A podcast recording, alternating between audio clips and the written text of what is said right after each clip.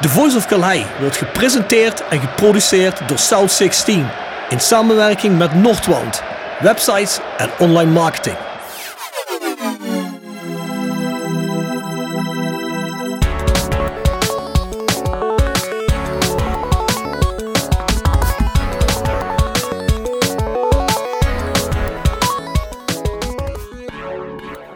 Ja, goedenavond mannen. Zitten we dan na een niet zo beïndrukkende wedstrijd van het Nederlands elftal? Ja, goedenavond. Goedenavond. Goedenavond.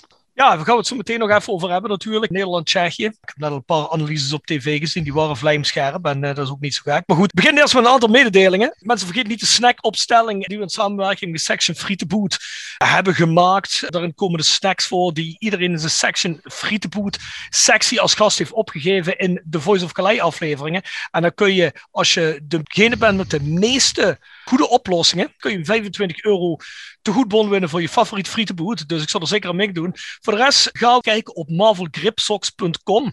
Dat is het sokkenbedrijfje van Pep Schlusser. En daar kun je met de kortingscode TVOK25 25% korting krijgen op alles wat dat krijgt op de website. Dus ga daar eens kijken. En vergeet uiteraard op south16.com niet de South 16 merch en de Sweet 16 Peachy Blonde, die nou begin juli uitgeleverd wordt worden, maar die nog altijd te koop is. Dus in ieder geval de South 16 shop werkt met Ideal, dus dat is heel gemakkelijk. Voor de rest, ga naar Spotify, iTunes, Soundcloud, Amazon Podcast, waar dan ook. Dan vind je de Voice of Calais en die kun je volgen. Dan krijg je de Voice of Calais kort in je app te zien wanneer die uit is.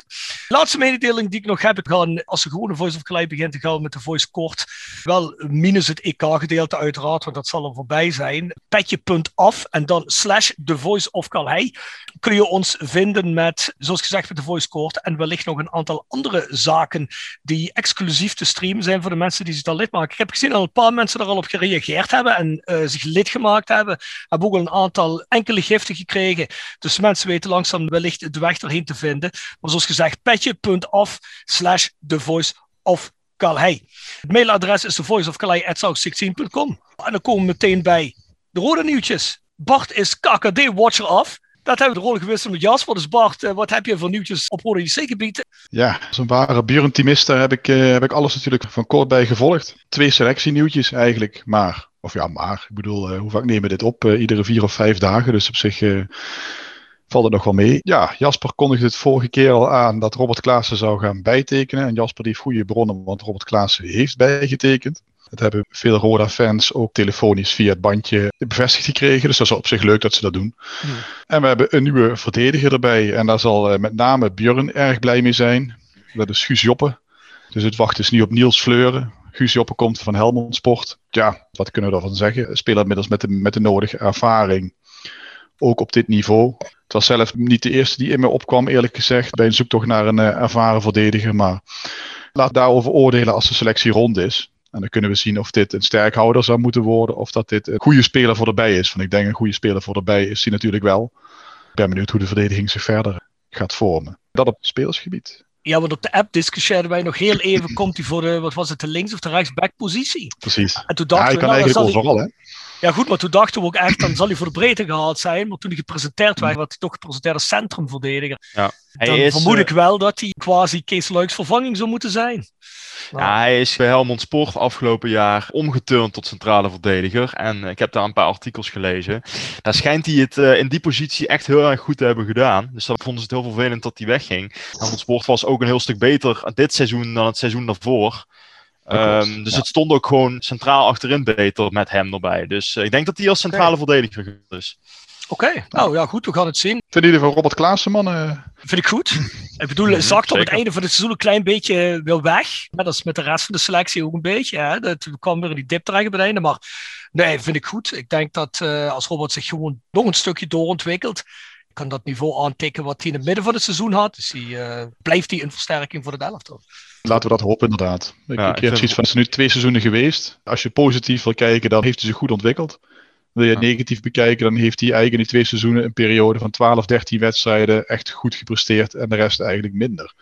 Dus ik, ik, ik zit er een beetje over een dubio. Ik hoop inderdaad, Rob, wat jij zegt, dat hij die stap gaat maken en constanter op dat niveau gaat spelen dat hij inderdaad begin tweede seizoen zelf had. Dan hebben we er een hele goede aan. Gaat het weer richting het einde, dan uh, ja, dan is het eigenlijk middelmaat. Hè? Maar goed. Mm. Ja. Klopt. Ik vind het sowieso alleen al goed dat ze een beetje continuïteit in die selectie houden op deze manier. Dat je niet te veel gaat veranderen. Kijk, Robert Klaas is wel iemand waarvan je weet dat hij de bal op een rustige manier naar de goede kleur kan spelen. Dat is al heel veel waarde op dit niveau. Dus dat vind ik sowieso een goede zaak dat hij dan nog een jaartje blijft. Het kan slechter in ieder geval. Ja, Nou. mee eens. Dan is er. Nou, sorry Rob. Nee, zeg Wil je Bart. Nee, nee. Ik, ik wil de bruggetje gaan slaan naar het eh, andere onderwerp Roda Nieuws. Of eh, wilde je dat ook? Dat wil ik inderdaad ook, ja. nou, dan heb jij misschien al op papier. Dan maak ik het gras niet voor je voeten weg. Laten we het zo zeggen, dat is natuurlijk op bestuurlijk niveau en de brief die eh, door supporters gestuurd is met hun grieven en hun bedenkingen over het functioneren van Joop Jans, waar we het ook de afgelopen ja, drie afleveringen van de Voice Call uitgebreid over gehad hebben. Die hebben wij ook met de Voice ondertekend, omdat we het daarmee eens zijn. Is natuurlijk een beetje ophef over geweest. Onder andere over het feit dat intern bij Roda er eigenlijk niet zo heel snel op gereageerd wordt als eigenlijk de bedoeling was. Er werd ook nog met wat onbegrip gereageerd vanuit het fangebeuren dat niet zo goed op de hoogte is. Het helemaal geen verwijt is van iedereen kan even goed op de hoogte zijn dat die brief gestuurd werd. Ik zou er verder niet over willen uitweiden op dit punt, want er komt namelijk een gewone Voice of Calais actueel. Die ga ik morgen met Bjorn opnemen, waarin we proberen het geheel heel duidelijk punt voor punt, heel beknopt en heel rechtlijnig uit te leggen. Een heel duidelijk beknopte podcast waar eigenlijk mensen die nog vragen open hebben, die vragen beantwoord krijgen. Of mensen naderhand dezelfde conclusies trekken, is natuurlijk aan iedereen gelaten. Maar het zal wel vermoedelijk zo zijn dat niemand meer zegt van waar hebben ze het eigenlijk over, waar gaat het over. Dus en zover zou ik het ook daarbij willen laten. En ik zou zeggen, luister de voice actueel van de week. Precies. Als ik heel kort iets aan mag toevoegen op, dan denk ik inderdaad dat het stukje onbegrip bij de fans, dat is denk ik een punt dat we als betrokkenen ons Mhm. misschien moeten aantrekken. Er is wel de nodige ophef. Mensen die van de hoed en de rand weten, die vinden het eigenlijk volstrekt logisch hoe het gegaan is. Maar de brief is in de, is in de media beland. En dan kan ik me voorstellen, als het gaat over een brief vanuit de fans, dat er misschien wat meer uitleg, wat korter op het bericht in de media had moeten volgen. Ik denk dat we ons die moeten aantrekken en dat we dat Mhm. onder andere met de voice, die jullie dan morgen gaan opnemen, goed gaan oplossen. Dat wil ik me even toevoegen. Nee, goed, toevoeging Bart. Ik geloof dat zo ongeveer wel de ontwikkelingen rond Roda zijn. In ieder geval de belangrijkste zaken. Jasper. Ja, in de rol van de Kees Kwakman van het Zuiden. Overig KKD-nieuws is op het gebied van transfers vooral. Almere City begint daar promotieambities toch echt wel kracht bij te zetten. We hebben deze week eh, drie spelers aangetrokken. Maarten Pauwels, bekend als de lange spits die bij Cambuur en Go Ahead heeft gespeeld. Ramon Lewin, die we kennen van zijn tijd bij AZ, ADO, Cambuur. En dan moet ik even goed nadenken welke club nog. Ja, goed, dat is Heerenveen, toch, of niet? ja, volgens mij wel, inderdaad. En vandaag kwam daar Bradley van Hoeven bij. En die kennen we van eh, Go Ahead Eagles. Heeft op mij een hele sterke indruk gemaakt vorig jaar bij Go Ahead. Heel erg sterk linksbuiten speler. Die daar ook eh, de nodige assist en goals voor zorgde. Hij tekent ook bij Go Ahead. En zegt daarbij dat Gertjan Verbeek daarin een, eh, een goede rol gespeeld heeft. Ik bedoel bij Almere Almere. City Bij Go. Ahead bij Almere City, excuus. Daarnaast, uh, ander transfernieuws zien we uit Venlo dat VVV zich versterkt heeft met de Duitse centrale verdediger Brian Koglin. Hij komt over van de eerste FC Magdeburg. En daarnaast is VVV bezig geweest om te voorsorteren op het eh, eventuele vertrek van spits Georgios Giacomakis. En heeft in de zoektocht naar nieuwe spits zijn ze terechtgekomen bij oud-MVV Almere City en NEC-spits Sven Braken. Hij tekent voor twee seizoenen in de koel en heeft in het verleden laten zien op dit niveau redelijk te kunnen scoren. Daarnaast presenteert Telstar op één dag vijf nieuwe spelers. Dat zijn Ben Sabu Blackson van Almere City, Jip Molenaar, afkomstig van Volendam, Rijn Smit, die komt over van de jeugdopleiding van SC Heerenveen.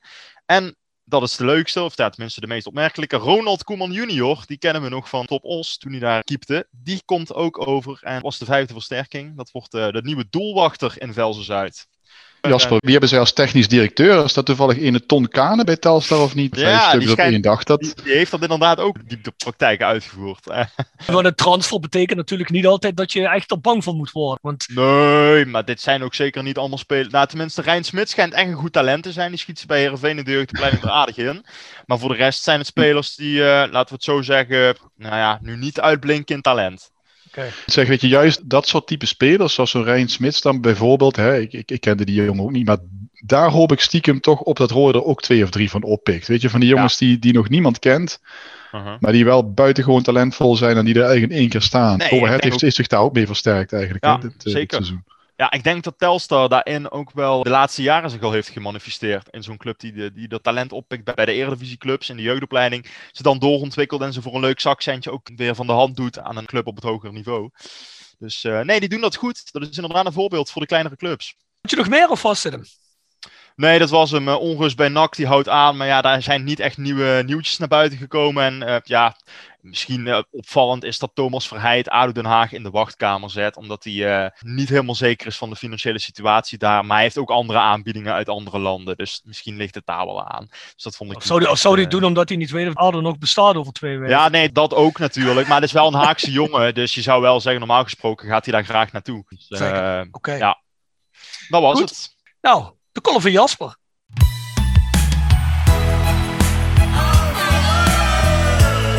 Ook verdedigen. Oh, we komen tot de achtste finale. Het is absoluut het maximale, dit is ons niveau. Ja. En dat is wel prima zo. Ja, we komen tot de achtste. Goed. Oh, de goal! Wat een goal! Op het spoor van Wilbert Sufrein. Een vol fanplein in Boekarest. 67.000 voetbalfanaten die gebroedelijk naast elkaar kunnen gaan staan in de Puskas Arena. Ja mensen, ook dat is 2021. En dat is ook maar eens een bewijs van het feit dat we echt in een heel raar jaar leven. Nu het kaf van het koren is gescheiden, lijkt Euro 2020 dan nu eindelijk te zijn begonnen. Het chagrijn van saaie poolfasewedstrijdjes maakt plaats voor minuten en dagenlange kriebels en verlangens naar echt voetbal. De poolfase is toch een beetje hetzelfde als trainen zonder dat je een doel hebt. Als een verjaardagsfeestje bezoeken met alleen maar saaie mensen. Als indrinken zonder op stap te gaan. En als op tijd thuis zijn voordat de avondklok begint. Het zal u niet verbazen dat ik in aaneenschakeling van gebeurtenissen opnoem die allemaal verband houden met hetgeen dat we dit jaar hebben meegemaakt. Na bijna 16 maanden van wachten, online meetings, voetbal kijken met een irritante supportersband ter achtergrondgeluid, luisteren naar zinloze persconferenties en het missen van sociaal contact, lijken we eindelijk weer op de weg naar het oude normaal. Het oude normaal of eigenlijk het nieuwe abnormaal? Want zo voelt het wel als je ineens weer duizenden mensen feestend op een Oranjeplein in Budapest hand in hand het Viva Hollandia ziet zingen. Dat onze hersens het afgelopen anderhalf jaar flink zijn geherprogrammeerd, bleek wel toen ik bij het kijken naar de beelden van in vol Oranjeplein mijn wenkbrauwen een beetje fronste. Echter deed ik dit omdat ik bijna niet kon geloven wat ik zag. Hoewel ik tot op dat moment nog niet echt was gepakt door het begrip oranjekoorts, maakte ik op dat moment er voor het eerst kennis mee gedurende dit toernooi. Ach man, wat klets je nou Jasper? Het is toch maar een groep dronken supporters? Ja, misschien wel. Maar ze vertolkten de ontlading en de blijdschap die iedereen voelde dit weekend. Of het nou de man was die op zaterdagmorgen zonder mondkapje boodschappen mocht doen, de kroegbaas die eindelijk weer eens op de bel mocht slaan om het happy hour in de kroeg aan te kondigen, of die uitzinnige menigte die gisteren op een plein stonden te feesten. Dit weekend voelde als de heropening van het gevoel. Het oranje gevoel. Het gevoel dat we weer een uitbundig leven mogen hebben. Het gevoel dat we weer met z'n allen gearmd op de tribune het Wilhelmus kunnen gaan zingen. Maar ook het gevoel dat je weer echt mag doen wat je kan en wil doen. Voor het EK had niemand het nog echt te pakken, dat oranje gevoel. Leuk als Nederland ver komt, maar echt een euforisch gevoel? Nee, dat was er niet. En natuurlijk balen we ervan als we niet ver komen op dit EK. Maar de grootste winst van het land is eigenlijk al binnen. We krijgen ons gevoel weer terug. En die oranje koorts, ja, die is daar zeker onderdeel van.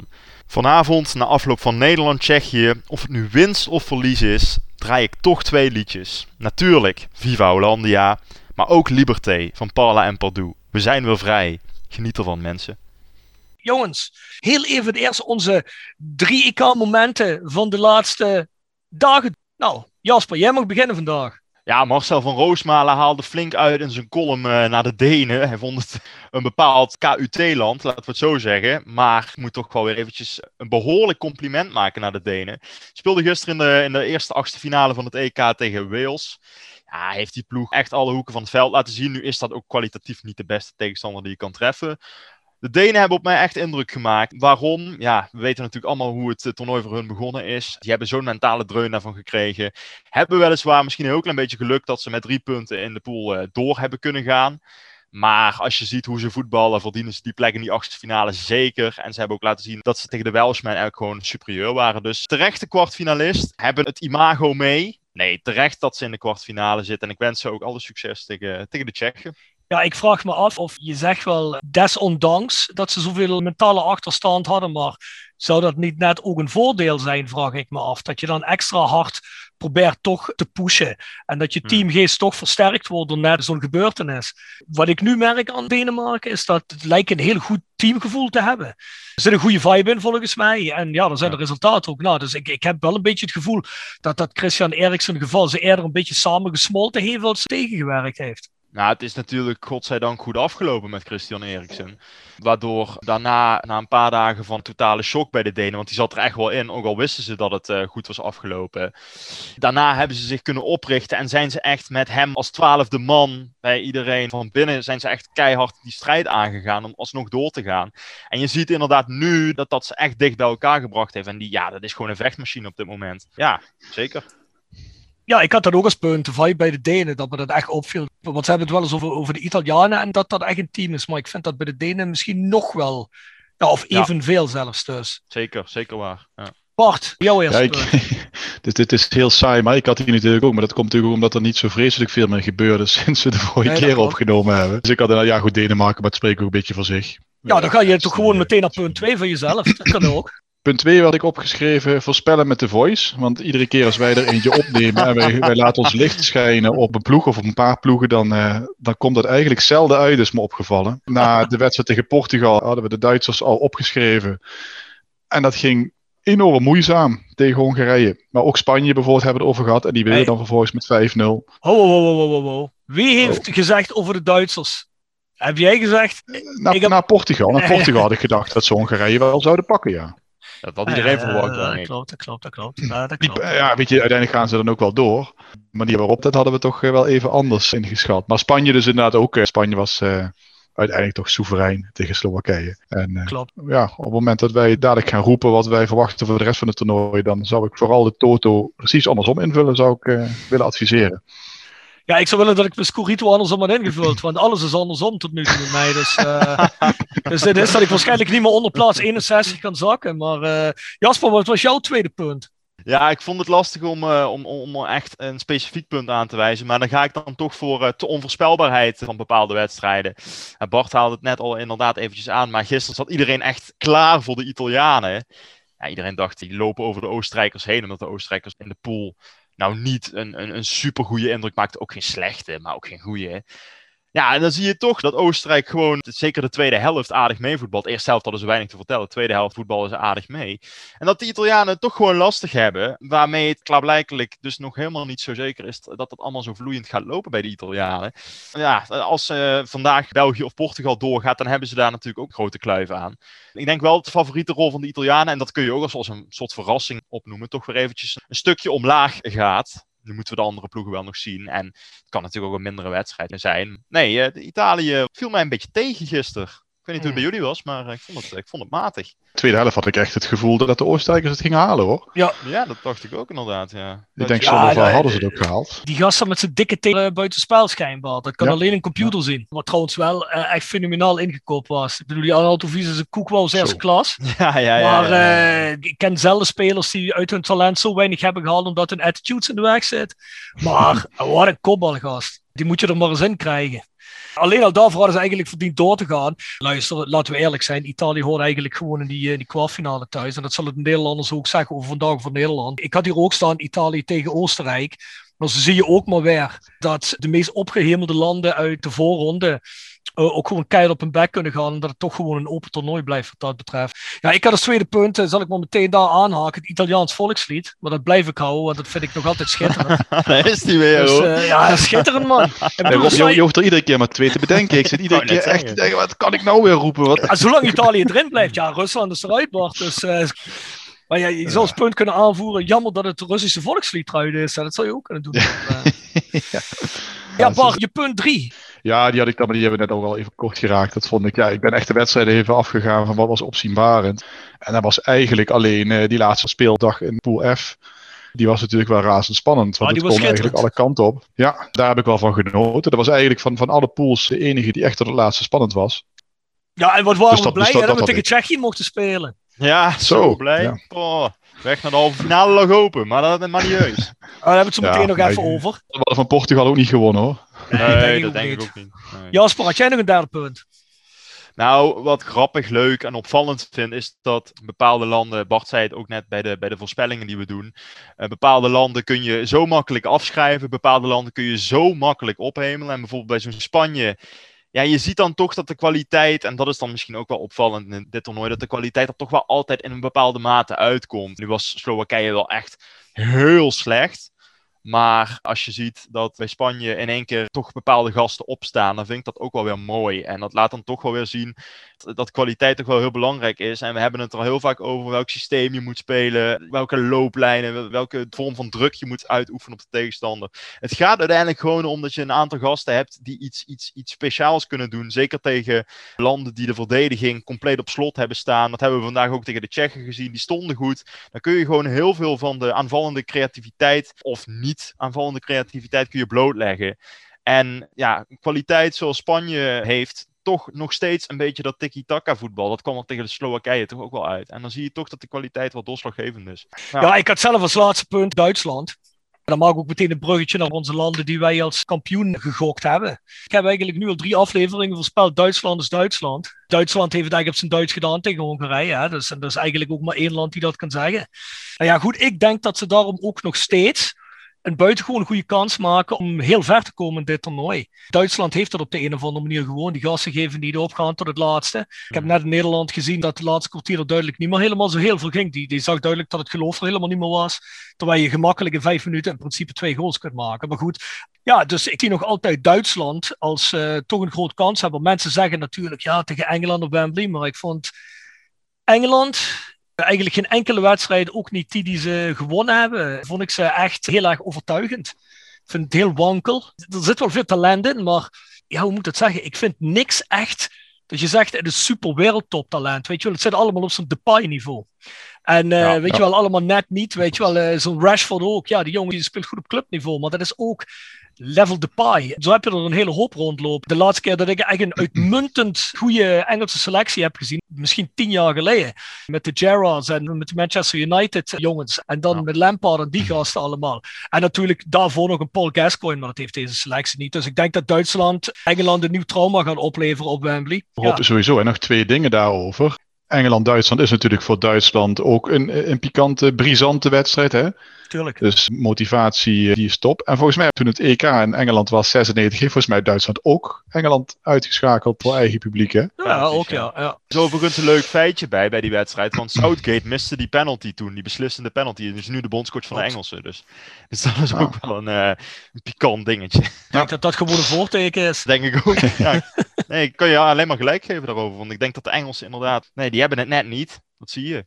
Moeten wij dat hier nu wel uitspreken trouwens? Want als wij, als Rob gelijk willen laten hebben, dan moeten we natuurlijk hier zeggen nu dat Engeland dat makkelijk gaat winnen. Hè? Ja, waarschijnlijk, waarschijnlijk winnen ze dus ook naar deze analyse van ons. Maar, ja. nee, nee, nee, nee, nee, luister. Over die Duitsers kun je het rustig zeggen, want Duitsers zijn Duitsers. Dat is de enige ja, okay, ploeg voor die regel niet geldt. Gedaan, nee. ja, dat is waar. Dat is waar. Bart, hoe zit het met Frankrijk? 2-2 nog tegen Portugal wel gespeeld hè, na de laatste opname. Ja weet je ook weer eigenlijk uh, niet, niet te veel in geïnvesteerd. Dus nou, die gaan we nog zien. Beetje op autopiloot vond ik het, hè? Ja, inderdaad. En, en, en Frankrijk was natuurlijk als enige van die drie grootmachten niet in gevaar als het gaat om het bereiken van de volgende ronde. Dus, uh, en Portugal wel. Dus die moesten denk ik wel wat dieper gaan. En nochtans vond ik het gewoon wel een, een leuke wedstrijd. En op het einde merkte ik dat ze allebei wel, uh, wel vrede hadden met 2-2. Het laatste kwartier is er volgens mij uh, bijna niks meer gebeurd. Hoewel ik toen meer Duitsland zat te kijken eigenlijk naar Portugal-Frankrijk. Dus mm-hmm. nee, en ik moet zeggen, de tegenstander nu in de, in de achtste finale is ook niet dat je nou uh, het hele ware Frankrijk gaat laten zien. Dus die kunnen zich rustig blijven ontwikkelen. Best voor les. Ja. ja. Jasper, België. België.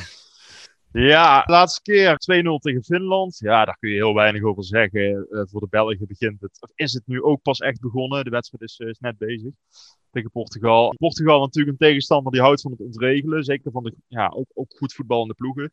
België in de, in, de, in de records tegen de Portugezen totaal niet goed. De laatste zes uh, potjes verloren. Lijkt op dat gebied net op oranje tegen Portugal. Want een soort angstgekner. Dus ja, het is wel echt een tricky game. Durf ook niet met zekerheid te stellen dat de Belgen hier zomaar even overheen gaan. Waar wel natuurlijk de Belgen heel veel hoop uitputten is dat Kevin De Bruyne, die nu een beetje is warm gedraaid, de avond van zijn leven wederom gaat hebben. en de Belgen naar de volgende ronde loods. Bij Portugal moet gezegd worden dat die ook niet een grootste indruk maken tot nu toe op dit uh, toernooi. Tegen Hongarije met moeizaam 0-3. Het lijkt heel erg ruim 0-3, maar het was heel moeizaam. In de wedstrijd tegen de Duitsers echt volledig uh, ja, te kijk gezet. En vervolgens uh, tegen de Fransen moesten ze diep gaan, even. Maar nou ja, dat, dat was ook niet echt super goed. Ronaldo, dat is de enige die het wederom moet doen voor de Portugezen met vijf goals.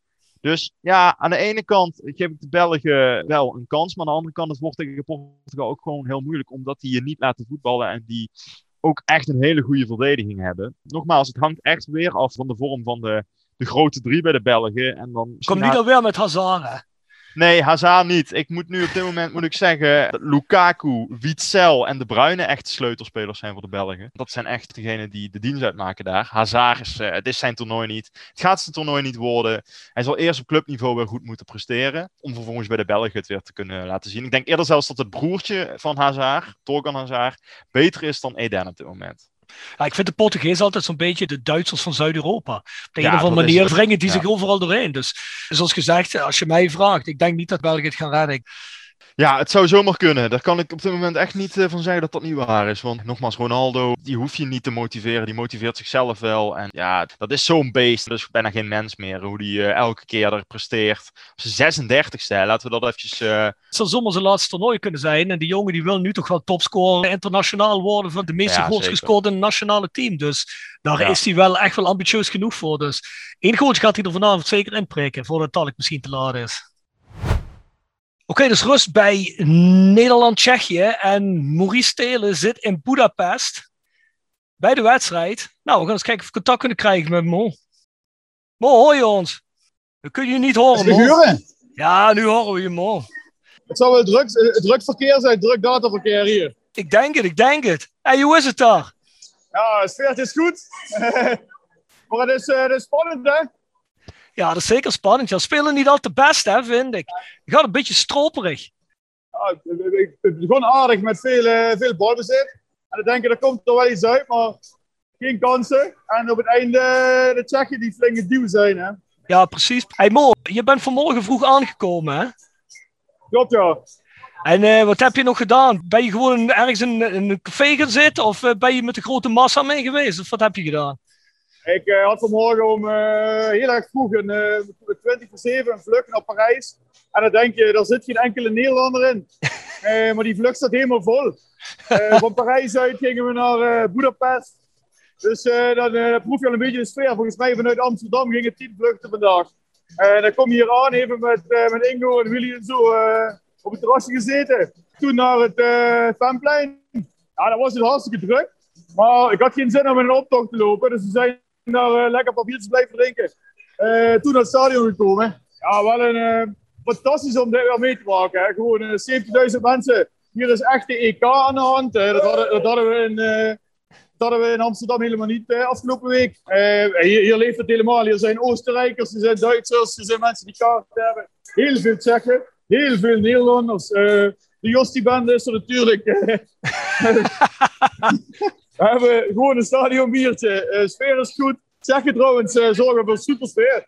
Lekker. Dus, uh, ja, echt mooi. Mooi om mee te maken. Ja, mooi man. Hey Mo, weet je wat we gaan doen? Straks na de wedstrijd komen ja, we dan nog een keer bij je terug. Win or lose. We bellen nog even in bij je. Is goed. Goed de tweede helft, hè. Hey, succes hè. Ja jongens, gaan we over naar Nederland-Tsjechië. Bart, waar ging het fout? Ja, waar ging het fout?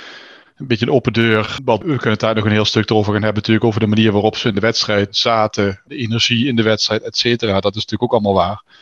Maar ik, ik ben ervan overtuigd dat als die rode kaart niet valt, dat je deze wedstrijd uiteindelijk niet verliest. Want ik vond Tsjechië was, was heel stug, maar creëerde eigenlijk bijna ook niks. Eh, vlak voor die uh, rode kaart miste Malen die uh, eh, 100% kans. Ja. Dus het begon wel een beetje te komen.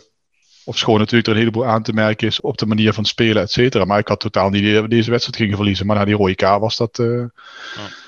was dat totaal anders. En ja, Jasper noemde net al een beetje, het geloof leek toen eigenlijk wel weg. Of nee, jij zei dat erop, hè? Van, terwijl ja. zelfs met een 1 of 2 achterstand, weet je, dus, dus alles of niets. Dus uh, dan moet je er echt vol voor gaan. En dat gebeurde ook niet. Ik heb niet nee. echt gezien een ploeg die alle registers opentrok of zo uh, om het nog op te draaien. Nee, het geloof was weg vanaf dat moment. Dus heel raar.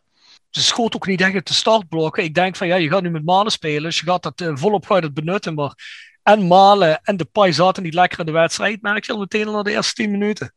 Ja, en dan mis ik toch op een gegeven moment, toen die Tsjechen een beetje doorkregen, hoe ze ze konden vastzetten. Die gingen echt helemaal in de mandekking. Als uh, Stekelenburg achter de bal had, dan uh, stonden ze echt gewoon één op één te dekken overal. De Stekelenburg wist maar waar hij met die bal heen moest. Nou, dat creëerde dus ook weinig ruimtes. Ja, of je moet het natuurlijk zo snel tikken en zo snel spelen dat je de Tsjechen eruit tikt. Want ze zijn wel langzamer jou. Dat gebeurde ook niet. Ik vond ook uh, Gino Wijnaldum geen goede wedstrijd hebben. Frenkie de Jong was niet onzichtbaar, maar ook helemaal niet op niveau. Wijnaldum vond ik zelfs redelijk onzichtbaar. Balcontacten waren slecht. De balsprongen van de voet. En er wat slecht gepast. Het zat gewoon niet lekker. En ik was misschien toch begonnen. In zo'n omstandigheden met zo'n temperatuur. Met een weghorst die een beetje sleurend sleept. En dan staat de achterhoede ja, nog moer is. Ja, goed, die laatste half uur, goed, die malen erin. Dat is dan natuurlijk nog gevaarlijker als je van het begin af aan laat spelen als jongens zo fris zijn in de verdediging. Maar ja, goed, iedereen heeft daar zijn eigen mening over. Wat denk je, Jasper? Gaan ze door met de boer? Kijk, het is natuurlijk nu makkelijk om dat te zeggen. Maar ik denk wel dat ze hem zeker grondige evaluatie eh, aan gaan onderwerpen. Kijk, het is natuurlijk heel gemakkelijk om het meteen allemaal op die bondscoach te uiten. Dat doet heel Nederland nu. Maar ik denk ook zeker wel dat er ook een stuk pech bij komt kijken nu. De licht die slaat die bal weg, heel dom. Uh, nee, jij zei dat het per ongeluk was. Ja, dat zei ik in eerste instantie. maar nogmaals, ik heb ook daarna al gezegd dat ik, dat ik dat moest terugnemen. Kijk, weet je, ik denk op dit moment dat ze het een tijdje laten rusten. En daarna gewoon kijken van waar is het misgegaan. En dan tot de conclusie komen dat misschien de boer weg moet of moet blijven. Ik vind dat nu niet eens zo relevant. Ik denk dat het eerder nu belangrijk is om te kijken met wat voor type voetbal gaan we in de toekomst door. Gaan we door met het uitbouwen van een ander systeem? Of gaan we toch weer terug naar dit 4-3-3 systeem? Het zal een issue blijven. We hebben aan het begin van het toernooi gezien die discussie tussen welk systeem nu goed was of slecht was. Dat domineerde dat hele land. Nou, dan kom je die poolfase door met negen punten. Weliswaar nogmaals tegen bananenrepublieken, maar je wint ze ah. alle drie. Nou, maar ik vond die wedstrijd tegen de Oekraïne, op een gegeven moment staat het 2-2 binnen vijf minuten. Iedereen heeft het wel over Bananenrepubliek. Kijk, en dat had ik ook eigenlijk nog als punt 4 opgeschreven bij wat in Nederland, ook al die praatprogramma's, ook al die podcasts, iedereen wil wel, om niet helemaal als een idioot over te komen, zeggen van, ja. weet je wel, ze kunnen wel iets van voetbal, maar iedereen doet maar net alsof we altijd tegen landen voetballen die helemaal niks voorstellen. Alsof die Tsjechen er doorheen zijn gekomen dat ze niet kunnen voetballen. Die Oekraïners zijn ook gewoon achtste finale. Kijk, dat, dat, is natuurlijk wel zo. En op een, op het toernooi zie je natuurlijk wel vaker wat verrassingen. Maar als je gewoon heel sec de selecties van beide landen naast elkaar legt, dan zie ik dat de beste speler van Tsjechië bij Bayer Leverkusen speelt. Dat ze daarnaast een paar spelers, de keeper bij Sevilla, ze hebben nog een paar spelers bij, bij Hertha en bij, bij Hoffenheim uh, zitten. En voor de rest is het Slavia Praag. Hè? Uh, ja, goed, dat maar, maar wat ligt het dan aan? Pielsen. Maar wat ligt het dan aan? Ja, maar dat vind ik dus wel een serieus waar. Ik zou wel stoppen met Frank de Boer. Als je, als je kijkt naar Frank de Boer, was denk ik niet de eerste keus van de KVB.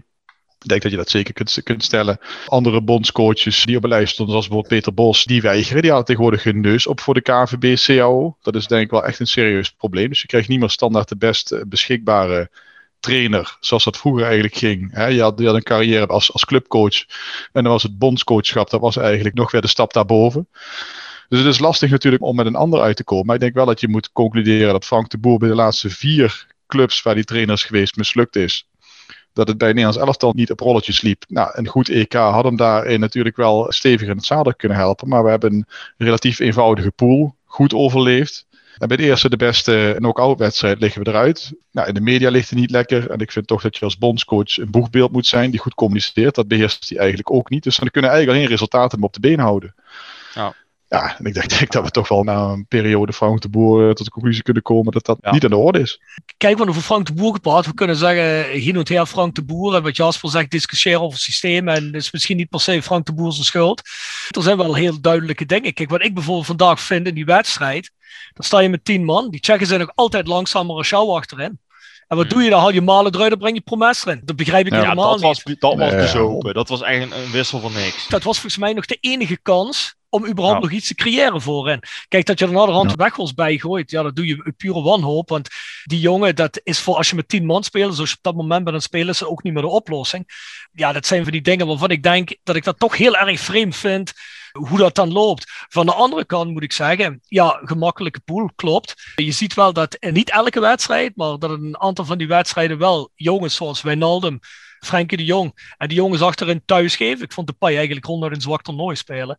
Ongelukkig. En ik vond hem ook, ja, die hele vibe is zich goed straalde de Jong ook uit. En dat zag je ook nu weer terug op het einde van deze wedstrijd, na die 2-0 was gevallen, het was alleen nog zeuren om kaarten, blijven liggen, niet meer aan het spel deelnemen. Wanneer je één keer gevloerd bent, dan naar de scheidsrechter zitten kijken terwijl het spel doorgaat. Dan moet je volgens mij gewoon opspringen en doorbikkelen.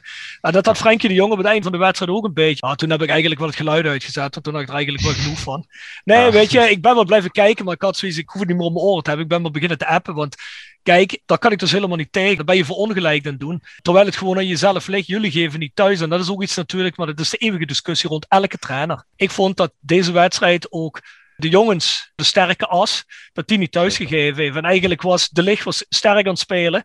Totdat die, die absurde handsbal maakt. Je zou kunnen zeggen, die jongen probeert het net te redden. Het wordt een kans. Gooi je dan voor die bal met je lichaam. Tik hem niet weg met je hand. Goed, die jongens 22, die, die routine niet heeft. En dat hij dan misschien iets geks doet. Die andere jongens in de as, die houden bij lange na niet het niveau wat ze kunnen halen. En ik denk dat dat ook Frank de Boer de kop heeft gekost. Zeker. Maar stel nou, hij wordt wel ontslagen. Hè? Laten we dat dan eventjes voorop uh, als een soort discussiepunt zetten. Dan zou ik oprecht een keer aankloppen bij Erik ten Hag. Ik bedoel, die man heeft bij Ajax goed gedaan. Komt misschien niet het best over in de media, maar is tactisch op dit moment, vind ik, de sterkste trainer die Nederland kent. Maar zou die het doen, Jasper? Dat is wat ik net probeer te zeggen ook, hè? Ja, lastig. Zou je als je trainer bent van Ajax, waar je weer fluitend kampioen wordt en ja. de Champions League goed zou kunnen gaan presteren, laten we het dan zo zeggen. Misschien op het lijstje staat toch wel met potlood van een aantal, nou in ieder geval Europese echt tegen de top aanschurkende clubs. Zou je dan mm -hmm. bondscoach van Nederland worden? Inderdaad, misschien is de tijd op dit moment niet helemaal, helemaal perfect. Maar aan de andere kant, de Ajax heeft hij in principe het hoogst haalbare, denk ik wel, al behaald dat seizoen twee jaar geleden dat je halve finale Champions League haalt en voor de rest de dubbel in Nederland. Dus ik denk wel dat het bij Ajax wel relatief klaar is. Daar kun je in principe alleen nog maar minder gaan doen. Die andere clubs in Europa, ja, die, die kiezen toch uiteindelijk altijd voor andere trainers. Hè, Bayern München heeft volgens mij al drie keer op de radar gestaan. Die kiezen nu voor Nagelsman ook weer.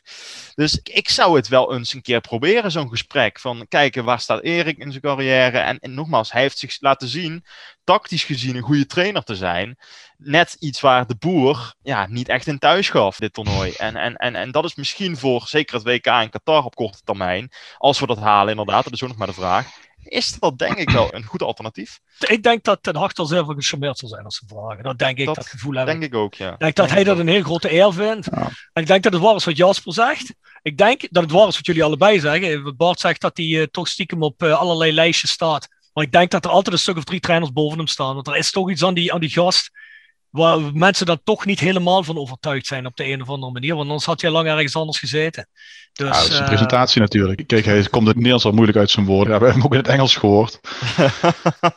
ja. Die persconferentie. hij heeft wel bij Bayern München 2 gezeten, geloof ik. Daar waren ze echt zeer over hem te spreken. Ja. was de assistent van Guardiola. Dat, was toen echt, dat waren twee handen op één, of vier handen op één buik. Ja, maar ja, als jij Nagelsman kunt krijgen, dan ga je niet voor Erik ten Haag. Nee, nee, dat is waar. Nee, dat klopt. Maar ik, ik, ik denk wel dat wat hij met Ajax heeft neergezet. Twee jaar geleden was hij hotter dan nu. Wat inderdaad natuurlijk wel zo is, is dat dat WK, dat is maar iets meer dan een seizoen weg. Ja. Dat kan misschien wel een reden zijn om te denken, nou ja, er komt op dit moment geen andere club voor me. Wat kan ik met Ajax dit seizoen bereiken? Nou, misschien weer uh, achtste finale, kwartfinale Europa League of zo uh, maximaal. Ja. Dan is het misschien wel aantrekkelijk. Ja. Je weet natuurlijk wel, als Ten Hag zijnde dat je 100% zeker Europees voetbal speelt en altijd Champions League. Dus dat is wel waar. Ik blijf wel op het hoogste niveau, sowieso als trainer, acteur. Mm -hmm. Zou ja. jij naar een club als quasi Everton gaan of noem maar nee, iets, uh, dan weet jij niet dat jij Europees speelt. En ik denk dat het hoogst haalbare voor hem is uh, internationaal ja. gezien, dat soort clubs. Eigenlijk de enige Nederlandse trainer die zo'n richting heeft gekozen, jij nu zegt Rob, die, en die daar ook succesvol mee geweest is, is eigenlijk Ronald Koeman. Ja. met Southampton en Everton ja, heeft hij zich toch wel gemanifesteerd. Ja, Everton is hij afgeschoten, hè?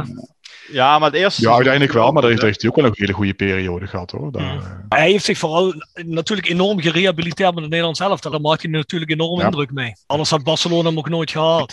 nee, dat klopt. Dat klopt. Maar goed, ja mannen, zou eens heel eventjes proberen om te besluiten of wij Maurice Telen te pakken krijgen. Wat zeggen jullie daarvan? Ja, dat doen ze poging. Dat zou nog uit zijn woorden komen, denk ik. Zouden de Oekraïners naast hem staan? Zou die die Fries nog te pakken hebben gehad?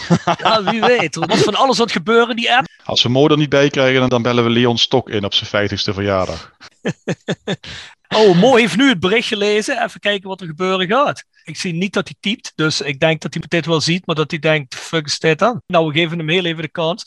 Die zit, al lang die zit al lang aan de goulash natuurlijk. 10,5 liter zat hij erover, hè? 10,5 liters is best veel met dit weer hoor. Eens kijken wat hij zegt. Ik kan me goed voorstellen, zoals we hem ook kennen, die loopt naar Schelde door Budapest heen. Luister, we geven hem nog één minuutje en als het dan niet lukt, dan weggehapt. Ja, luister, denk dat Ja, gewoon, in. Duitsland zeggen ze, jenseits van goed en beuze is. Dus eh, weet je wat, Bart, eh, zouden wij dan de sponsoren doen? Zullen we dat doen? Ja, dat is goed. Jegers Advocaten, Hairnail en Beauty Salon Next Door. Hotelrestaurant De Veilerhof, Herberg te Penaldershoeve. Noordwand, www.gsrmusic.com. Stokgrondverzet, Rapi Autodemontage. Van Ooyen Glashandel, Quick Consulting. Wiertz Personeelsdiensten, Vendo Merchandising. Sky Art Picks, Nederlands Mijmuseum. Marimi Solar, Roda Support. Wieler Autogroep, PC Data. Metaalgieterij van Gilst. En Roda Arctic Front. Ja, dat zijn onze Roda-vrienden uit het Scandinavische. Je mails kun je blijven sturen naar de voiceofcalais.south16.com. Ga naar de petje.af forward slash the voice of Calais. Dus schuinstreepje de voice of Calais. Daar zou je eventueel een donatie kunnen doen, een eenmalige. Of je abonneren op onder andere ook binnenkort de Voice Court en nog andere zaken. En tot de volgende keer. Tot de volgende keer. Hoi.